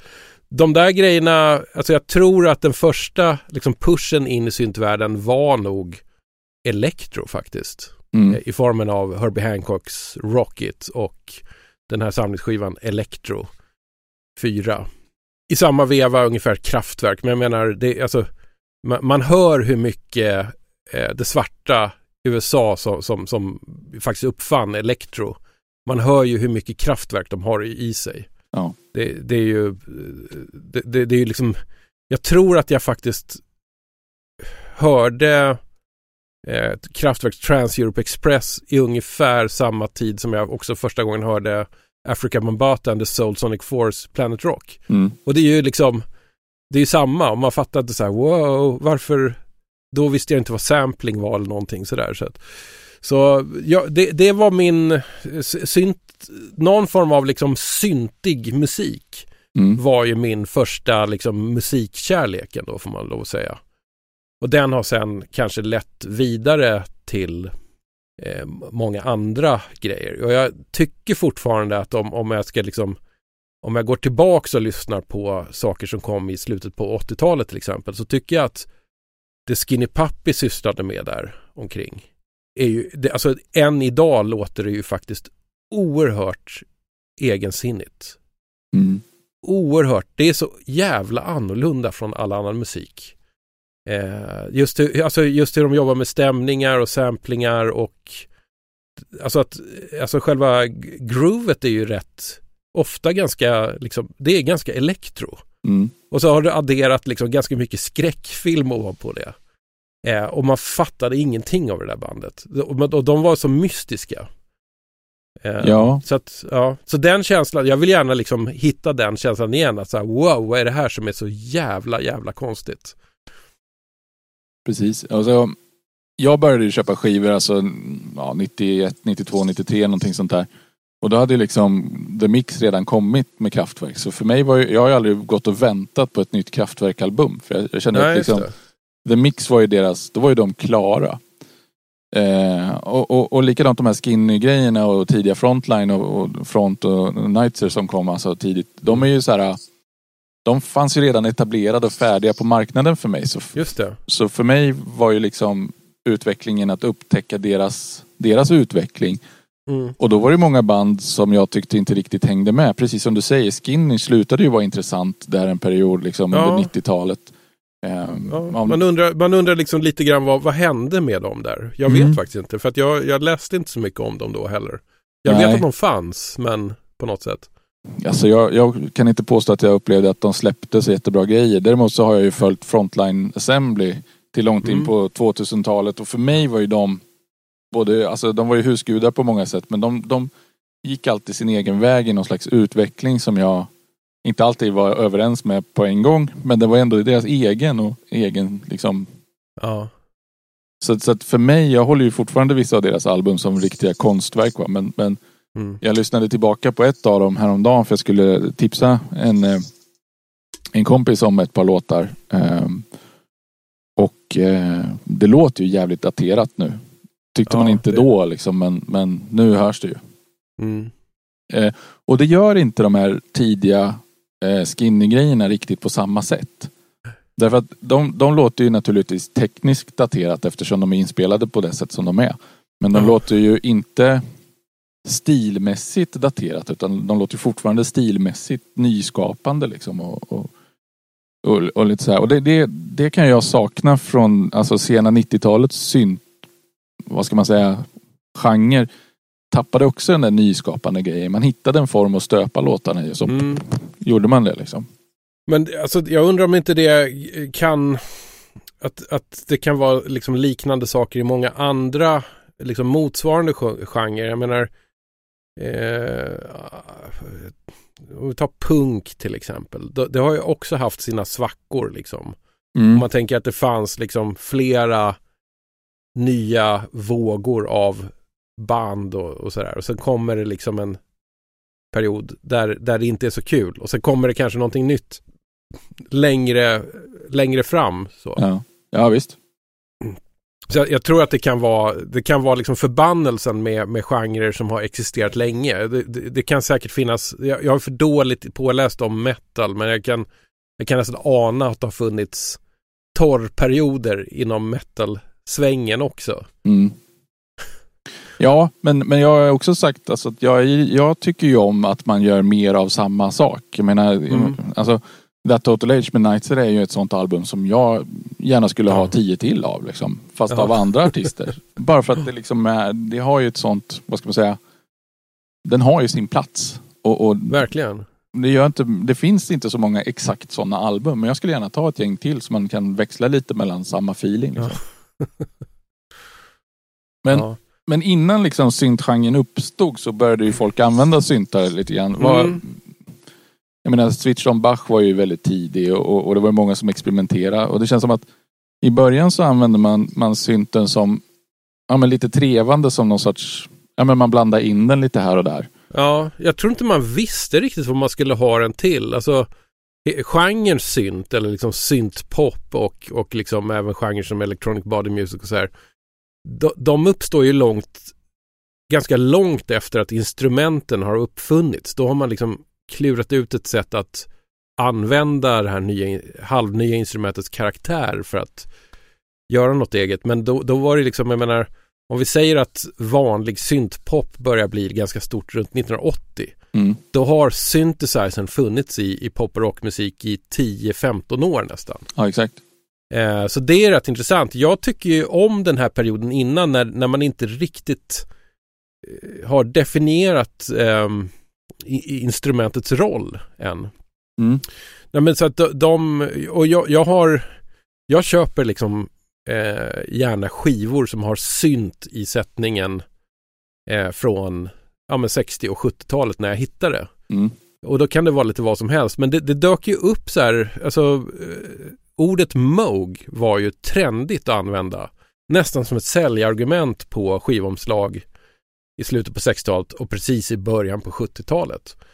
Eh, och då kan det vara lite vad fan som helst. Men väldigt många kände att här kan vi tjäna lite pengar och mm. gjorde då en ett helt album. Någon eh, måste då med hjälp av en jättestor eh, så här, Moog Modular Synthesizer och kanske ett kompband göra ett helt album med rocklåtar eller för all del liksom klassisk musik som Switched on Bach eller någonting. Mm. Och de gör det och eh, de försöker använda synten för att ersätta leadsång. De försöker använda synten för att ersätta liksom gitarrriffandet. Ja. eh, och man förstår att det har varit svårt att få ihop det. Eh, ganska mycket av det låter inte sådär jättebra. Det låter oerhört primitivt i våra öron. Men en del grejer blir liksom bra och bizarra på något sätt. Ja. Sen var ju, om man kollar då också så här, eh, man var ganska öppen för synthesizers möjligheter och synthesizers inbyggda flummighet i den liksom elektriska jazz som kommer i slutet på 60-talet. Om vi tänker liksom när, så här, när Miles Davis börjar balla ur. Mm. Då plockas det in syntar i sättningen. Herbie Hancock i början på 70-talet eh, är, jag menar, ja, eh, har ju tidigare spelat med Miles Davis. Han går sol, solo, har sitt lilla gäng med musiker och där ska det gärna vara liksom afrikansk percussion. Eh, man vill ha eh, en stor park med elpianon, syntar, allting och allt är på gång och eh, det finns då skivor som kommer där i början på 70-talet som är Alltså det är delvis ambient och elektroakustisk musik och det är delvis fusion jazz och det, det alltså du vet det är allt på en gång och, och där, är, det, där känns som att dörrarna är öppna åt alla håll.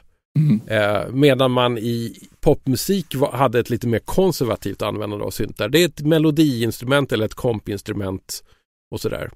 Och sen eh, är det väl inte för en, en ganska bra bit in i diskons historia som man faktiskt kommer på det här med att få att kunna synka upp sequencer-modulen i synten mot andra saker. Alltså, på, på, alltså att lägga ner ett synkspår från, från synten så att man senare kan synka på andra grejer, trummaskiner, fler eh, sequencerstyrda syntar och sådär. Och det är ju egentligen, nu, nu här bråkar ju folk om exakt när det hände, men man kan väl ändå säga att första gången som det blir en stor grej är ju när Giorgio Moroder och Donna Summer gör I Feel Love.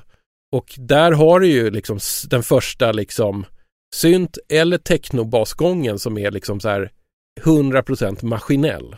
Ja. Eh, och den går att sen, de kunde lägga sen flera lager med, med syntar och trummaskiner och sånt där. Och det är ju egentligen där som alla så här moderna syntbaserade genrer föds. Det som fanns innan var ett trevande sådär. Precis. Jag gillar den trevande fasen. För att eh, vissa som gick och investerade i stora synthesizers eh, jobbade kanske med filmmusik eller liksom till och med inredningsmusik. Jag har en favorit från den här perioden, tidigt 70-tal, som heter Mort Garson.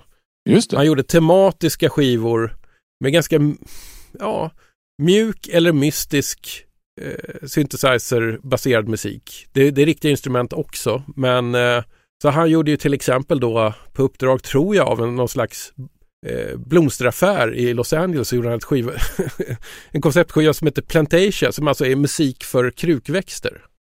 Helt sjukt. Eh, ja, helt otroligt. Men den är jättemysig att lyssna på. Den är så, här, den är så mjuk och harmonisk och bara mysig. Men han Mm. gjorde även ett okult liksom eh, Moog-album. Ja. Eh, eftersom okultism var spännande då. Det, det är liksom i när 60-talet switchar över till 70-tal så, så, så blir ju folk jätteintresserade av okultism av någon konstig anledning. Det är väl att The Age of Aquarius har precis tagit slut ja. och nu kommer något annat. Men, men um, Mort Garson har ju gjort fler Moog-plattor. Jag känner igen det namnet. Ja, då, han, han har gjort flera stycken och ehm, eh, det är många sådana, alltså, om man börjar läsa på baksidan av alla de här plattorna som heter någonting i form av Switched On eller Mm. Moog någonting så det är, det är liksom en fyra, fem namn som har gjort alla känns det som. Ja. Alltså Moog är ju som du säger, det blev ju ett begrepp. Jag ju till och med, jag har någon platta som, som det är så Music to Moog to. Som Om det, Exakt. som om det var ett Som att det är ett verb. Ja. Ja. man mogar lite. Ja, ja det, och det lät ju nästan snuskigt liksom. Men Stevie Wonder hade ju också en jävla massa syntar. Han var ju lite pionjär och, och Ja, reklamansikte verkligen. för vissa märken till Ja. med tror jag. precis.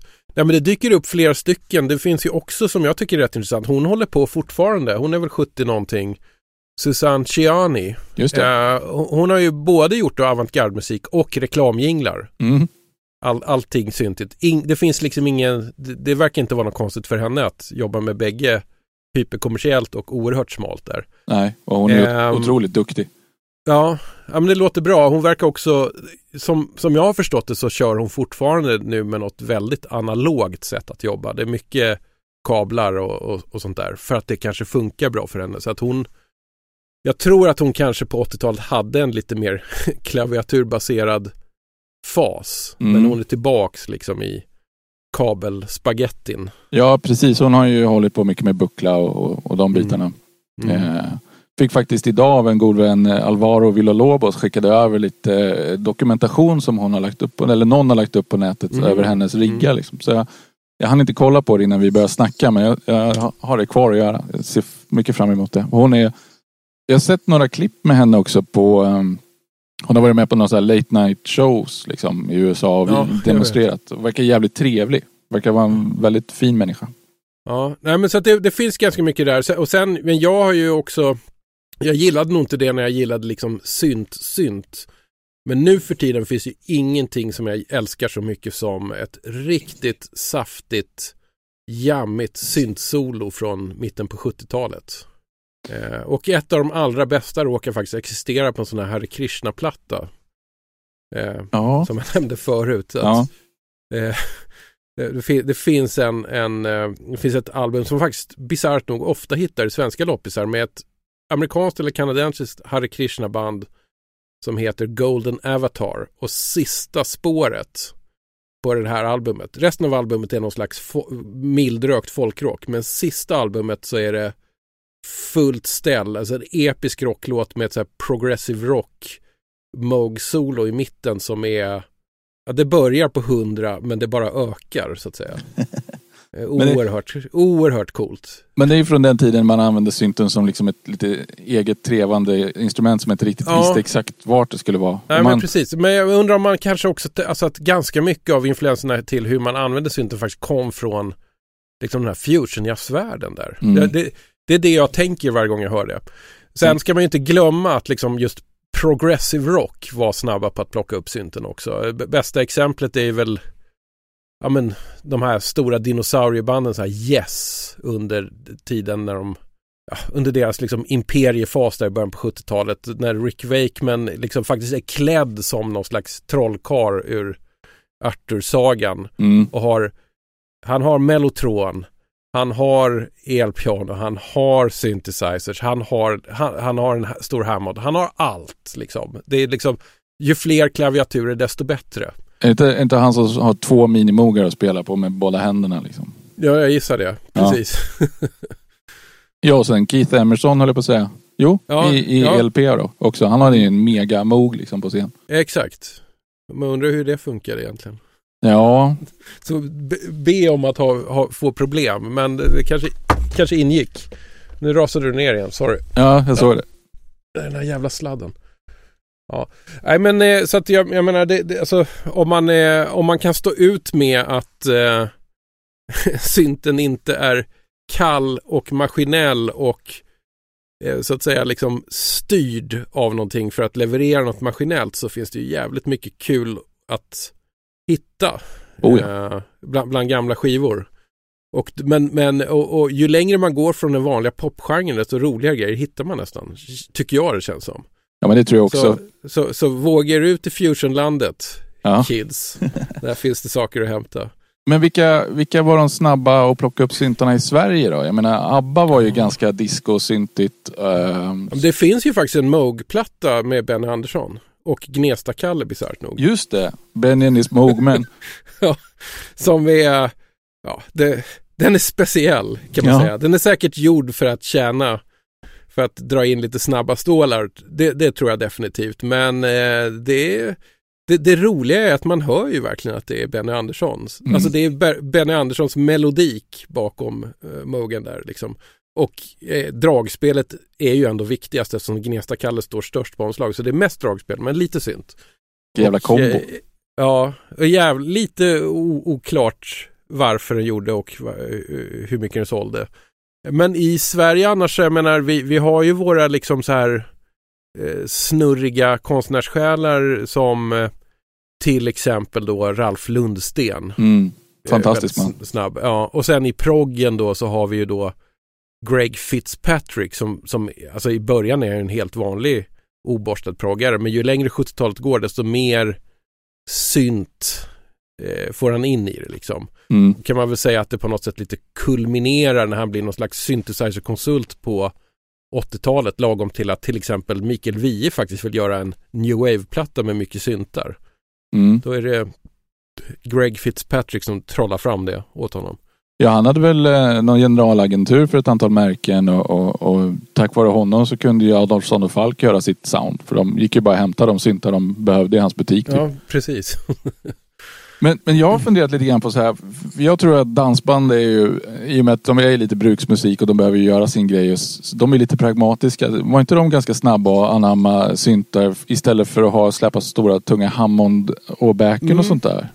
Jo, det finns, det finns ofta synt i 70-tals dansbanden eh, och, och senare också. Men, men det, om man vill ha det här lite mjuka, pipiga 70-tals syntsoundet så är det inte ovanligt. Men det, det, det, får ju sällan vara liksom, det är sällan instrumentet som är längst framputtat. Nej, nej, nej. Och framförallt så är det ju också så att de gillade ju stråkmaskiner väldigt mycket. Som är ju liksom lite grann av en variant av synthesizers. Så det ja. finns ju Ja, det, nu, nu, blir det så här, det är ju verkligen inte syntmusik, men om man letar efter spår av syntar så, så, så finns det en del dansbandsskivor som är värda att kolla in.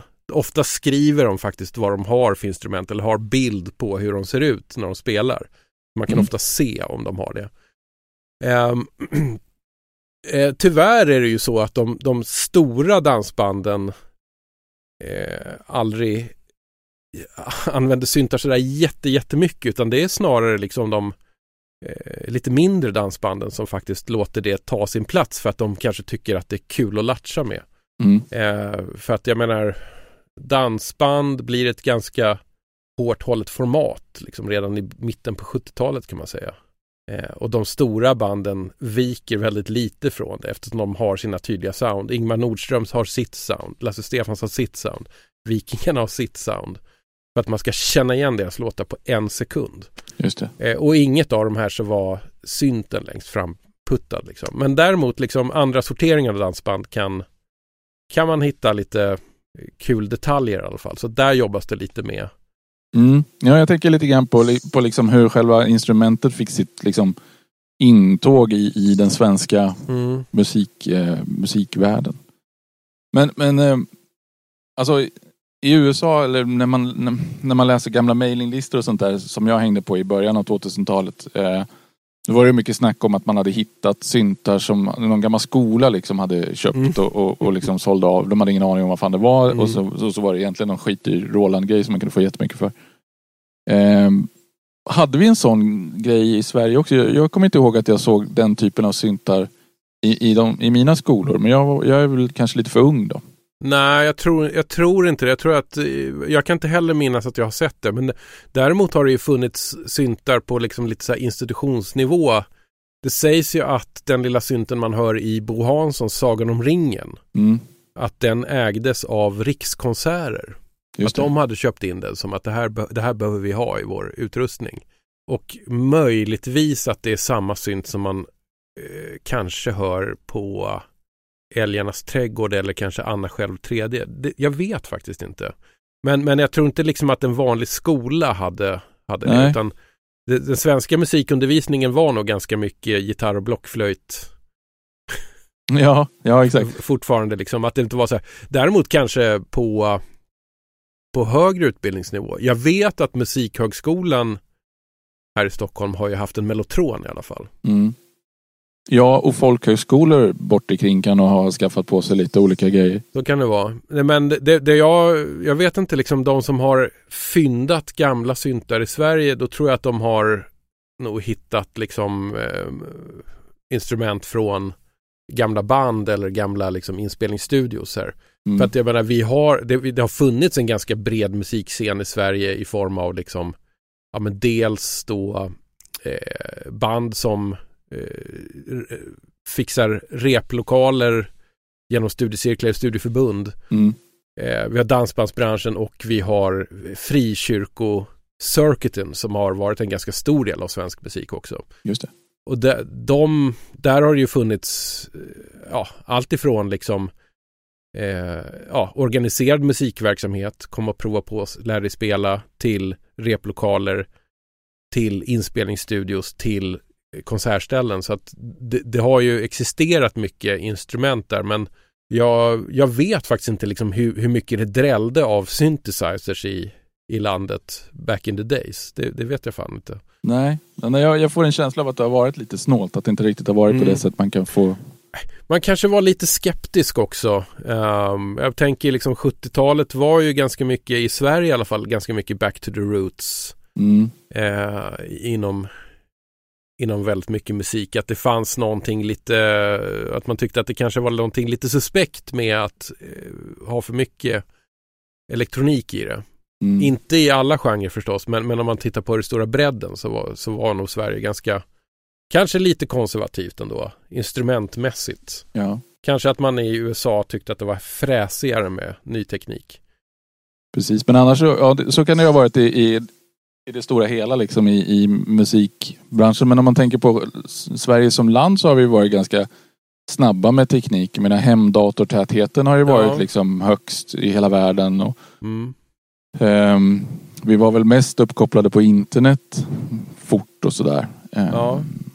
och, och jag tycker att, eller jag upplevde att det finns en genre som, som växte ganska kvickt början av så- 2000-talet med många så här lite yngre människor som, som nostalgiskt gör chiptune-aktig Mm. tv-spelsmusik. Alltså, ehm, Slagsmålsklubben och den där typen av Mm.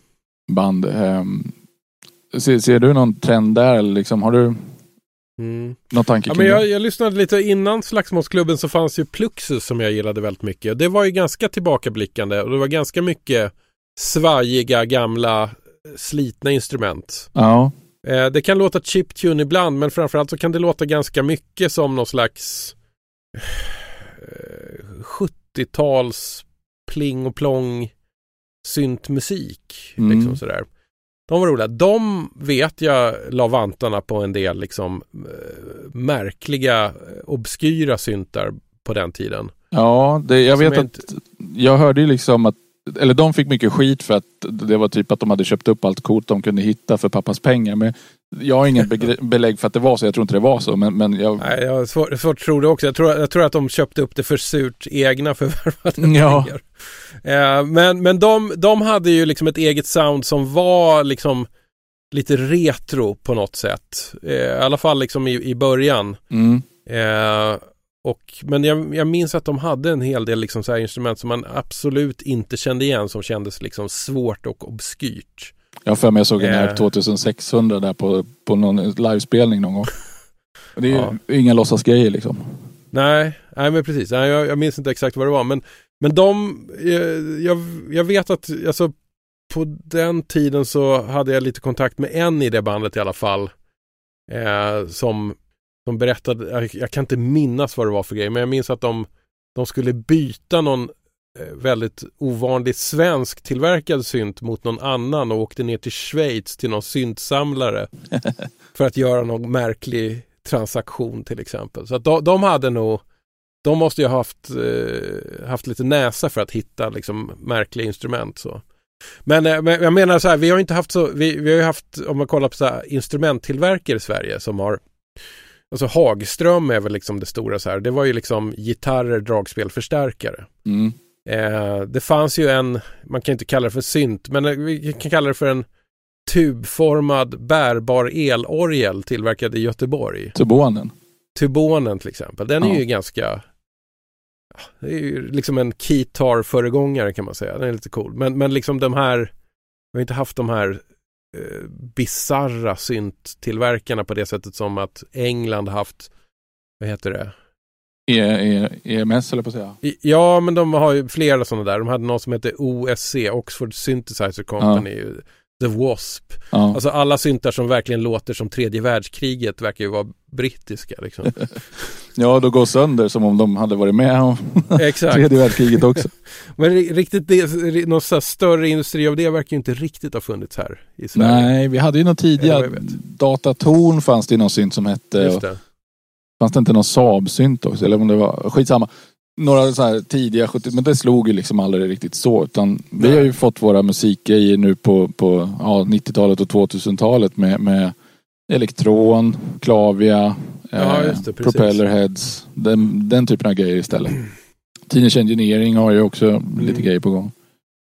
Um, men, men det svenska musikundret liksom, vad, vad tror du det kommer ur liksom? Eh, det kom, alltså det, ja men dels kommer det från, från eh, det som vi kallar för liksom folkbildningen, alltså så här studieförbundstrukturen, oavsett om det är, är liksom från frikyrkan eller nykterhetsrörelsen eller arbetarrörelsen så, så fanns det en plattform för det där. Och det har ju sen blivit studieförbunden, det har varit jätteviktigt. En annan sak som har varit viktig i det här är ju eh, generösa a-kassor och liksom sådana saker. Att har folk tid och möjlighet till att inte eh, ha två, tre jobb för, bara för att överleva så kommer de människorna ha tid att skriva en låt också. Mm.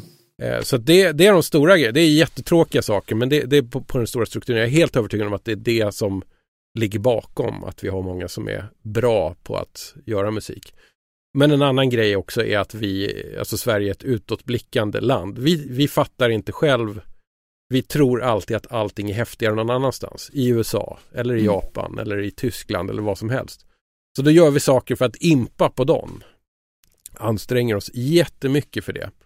Och en sak av 10 000 kanske lyckas. Mm. Och det räcker för att det ska vara ett, liksom ett musikunder i ett litet land. Eh, så jag, jag, tror att det är de sakerna som, som är eh, ligger bakom det helt enkelt. Men jag tror att det också finns någonting för att eh, det har ibland pratats om så här, vad är hemligheten med svenska melodier och sådär och då tycker jag att det är så här att det som, det som är liksom svenska melodier som kommer liksom ur svensk folkmusik är i, i stora delar av västvärlden lite konstig. Eh, rent klangmässigt, rent harmoniskt. Eh, jag brukar ibland tycka att tyskar har ett skitdåligt melodisinne för att de, de, deras, de, det de tycker är en bra melodi är så e-, enkla öppna treklanger. Det är liksom ett durackord. Det, det blir deras folkvisor. Våra har liksom ofta en pentatonisk skala eller liksom en not, en ton som är lite skev jämfört med de andra. Vilket ligger närmare, ja men kanske det här östmelodispråket liksom från Östeuropa mot Balkan mot Mellanöstern. Eller för all del mot liksom det afroamerikanska. Vi ligger närmare det mm. än, än liksom central, centrala och södra Europa. Det här, men jag har verkligen inte mycket att backa upp i det här för det, nu, är jag utanför, nu är jag utanför mitt område. Men jag, jag har börjat lyssna på svensk folkmusik under de senaste åren. Och jag slås ofta av hur, hur melodiskt konstig den är när man lägger det bredvid liksom sånt som man hör som är så här, folkmusik eller folkpop från andra närliggande länder. Mm. Så att just liksom Sverige, Finland, Norge har någonting annat jämfört än resten av Europa. Eller resten av västra Europa i alla fall. Uh, men det, jag har svårt att backa upp där. Men, men liksom om vi, om vi tittar neråt i Europa och tyskar och sådär så, så ja. vissa av dem har ju lyckats trolla ihop riktiga jävla monsterhits liksom. Eh, Limals, eh, Neverending Story ja, och Modern Talking och lite av de där banden blev ju väldigt, ja. väldigt eh, stora. Och sen så aktuellt från Blå Måndag senaste avsnitt, Neue Deutsche Welle är ju någonting som, som ja, ligger mig varmt det är roligt. Ja. ja. Men då, då börjar jag undra om vi kanske ändå är någonting som, som görs i opposition mot det som är liksom det de har växt upp med på något sätt. Ja. Jag, för jag tycker ju så Neue Deutsche Welle där finns det så mycket konstigt som bara hakar i det som fanns innan i liksom krautrock eller Precis. eller vad det hade så här som, som är så jävla skruvat ibland. Ja. Man hör sådana här, du vet, oerhört Ja men så här, musik som ibland låter direkt människofientlig. ja. ja men den, är, den är så jävla kall och liksom karg ibland. Mm. Uh, så ja, men den är spännande. Så att jag menar, Tyskland har gjort väldigt mycket uh, väldigt mycket fantastisk musik också. Men, men ibland tänker jag att, liksom att det som är en så här uh, om man ska räkna pophits per capita så kanske ändå Sverige ligger bättre till. Det tror jag. Men, men om man pratar genrer och, och, och den här flyktiga syntgenren som, som mm. är så svår att definiera som verkar ja. inte pratas om i andra länder egentligen. Alltså, när ska Nej, du... just det. Är, är det så att, att synt är en ganska, så här, en genre som vi har här men som kanske inte är så tydlig i andra länder? Ja, det verkar så. I andra länder kallar man det liksom alternerande industrial eller goth eller, ja, eller synthwave ja. eller som egentligen inte riktigt är samma sak heller. Liksom. Nej. Men, men när, när skulle du säga att den egentligen uppstod som genre? Ja, men... Men det måste ju ha uppstått runt 1980 någonting. Ja. Att, att den liksom blir ändå definierad för då kommer ju alla de här sakerna som man, som man ändå idag tycker låter synt. Och sen har det funnits säkert några, några innan som har varit in och touchat på det. Men, men eh, just det här som är liksom syntpop och det, det som sen blir lite hårdare som blir electronic body music. Det är ju tidigt. Ja men någonstans runt 1980 så tar det ju liksom form och det dyker upp liksom en mängd med band mm. som gör det. Mm. Och det är ju rätt spännande för att jag menar 1980 om man tänker så här att då, då säger ju alla att diskon har dött, att punken har dött, mm. att 80-talet kommer som, ska, som lovar någonting helt annat än 70-talet. Ja. Eh, men, men det känns som, det är som att fältet är ganska öppet för någonting nytt som låter nytt. Ja. Det är väl samma sak som liksom, alltså metal blir väl också egentligen riktigt stort på riktigt först i början på 80-talet också. Kanske samma sak där, att helt plötsligt så fanns, det hade funnits hinder tidigare som helt plötsligt var borta. Så kunde de här genrerna vara där. Och det är det som jag tycker är roligt. Det, alltså tidig sån här synt, eller vad man ska kalla det. kan ju vara ganska uppblandad med annat. Jag, menar, jag har ett så favoritband i Sverige från den här tiden, Cosmic Overdose. Mm. Det är ju folk som kommer liksom lite ur prog-sammanhang. Man fattar att de har mellanlandat någonstans i punk. Mm. Men runt 1980 så har de plötsligt syntar i, i sättningen och är inne på att göra någonting som låter syntetiskt också. Stålfågel är ett sånt bra band också. Jag älskar Stålfågel. Ja. För de, de, det är ju, jag menar idag hade man väl kallat det för minimal wave eller någonting. Ja. Men det är, ju, det är ju någon slags synt eller protosynt eller vad fan man ska kalla det liksom. Mm. Men, men jag har en känsla av att, att liksom synten som genre uppstår inte bara liksom för att man använder instrumentet utan det liksom finns en känsla i det någonstans också. Ja, det finns en estetik mm. också. Ja. Och, och, en liten så här bruksortsfeeling liksom. Menar, ja, och, och, då behöver det inte vara en liten skitort i Bergslagen i, i, i, Sverige utan det kan ju vara liksom Ja men Manchester och lite större grejer i, i, i England som också på sätt och vis är, är bruksorter ja. uppbyggda kring något eh, järnverk eller vad det är. Jag menar Karlskoga, eh, min, min födelseort är ju också upphovsplace ja, till, till mm. ett gäng syntband och, och sådana saker. Så det verkar som att det finns någonting i attityden till livet och, och, och den biten ja. som formar musiken också. Ja, men i en bruksort så, jag har aldrig bott i en bruksort, men jag tänker ju att liksom det är ju en, en ort som existerar på grund av en fabrik mm. av något slag liksom. Och det känns ju som att den liksom lite mer mörka delen av synt verkar ju vilja skildra en värld som är beroende eller på något sätt lever ihop med en teknologi som kanske inte är happy happy utan som, som är och, både hot och framtid liksom. Ja, ja men lite så. Och jag menar, jag, jag vet inte liksom hur, hur mycket synten romantiserade det där i början på 80-talet men ju längre, ju längre tiden går desto mer kugghjul och rost och liksom sånt blir det ju i ja. musiken. Ja.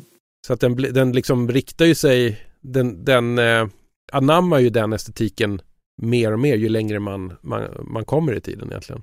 Ja. Sen, eh, Blå Måndag har ju, har ju försökt eh, definiera syntgenren lite grann. De, de, det finns Jaha. ju den här klassiska eh, sättet att definiera en film och, och dess mm. Eh, innehåll av kvinnor.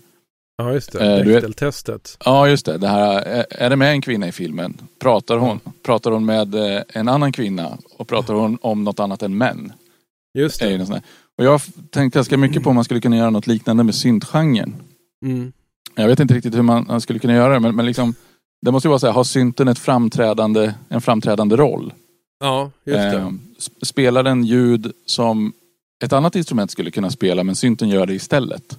Ja, just det. och, och sen, ja, jag vet inte riktigt. Ja. Ja, men det borde gå att definiera det. Men jag tänker ju liksom, eh, Blå Måndag är kul. Det är liksom så att den, den dagen de har lyckats definiera vad synt är, då är de kanske klara. ja, precis. Du, du kör DJ 50 spänn tills det inte finns eh, fem skivor ja. att få för, för 50 spänn längre. Och de, och de kör tills de har lyckats definiera synten. När ska jag sluta då? Ja, jag vet inte. Vad, ja, men det beror ju på. Vad är den stora frågan som du som Ja, det måste väl vara när det slutar finnas intressanta människor i Synt-Sverige då. Ja, precis. Ja.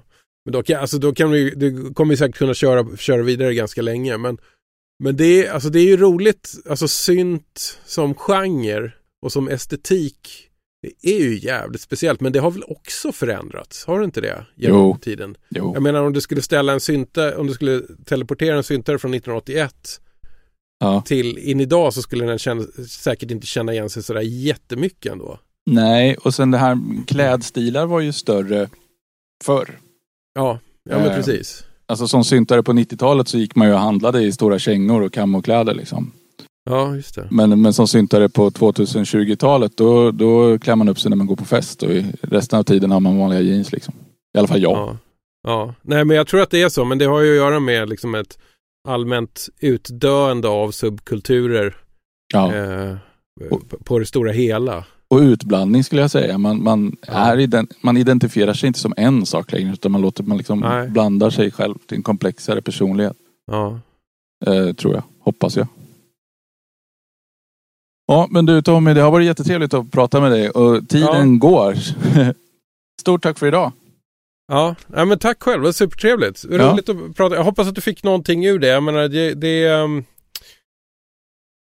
så här, det, det finns ju, jag har ju liksom från att ha varit liksom så här, identifierat mig som syntare en gång i tiden. Det, det, det slutade vara viktigt för mig någon gång så här, men jag har alltid gillat vad liksom synthesizern, liksom själva användandet av instrumentet har lovat. Och nu som någon slags retrofil musikfetischist så har jag mer och mer börjat kolla in vad som var synt innan synt. Mm. Eh, och det tycker jag är roligt för att man hittar liksom andra saker. Sånt som jag hade hatat när jag var 18 mm. älskar jag nu och då är det ju liksom flummiga fusion-jazziga syntsolon. Det, är ja, liksom eh, synt som krydda i en så här märklig, dåligt inspelad dansbandslåt från 1975. Idag tycker jag att det är underbart. Då hade jag nog tyckt, hade gjort korstecken säkert. Så, mm. eh, så, så, det är härligt så här. Men ehm, eh, och, det, och vissa saker som jag kanske inte gick igång på då när jag liksom tyckte att jag var syntare älskar idag. Ett sånt exempel är liksom Heaven 17. Ett band som jag inte gillade på den tiden. Det tycker jag är fan, det var ju bästa syntbandet kommer jag på nu i modern tid. Mm. För att de, de, de, de hade väl liksom hunnit ruttna lite på vad som vad som var synt då. Och då var det helt, fortfarande ganska nytt.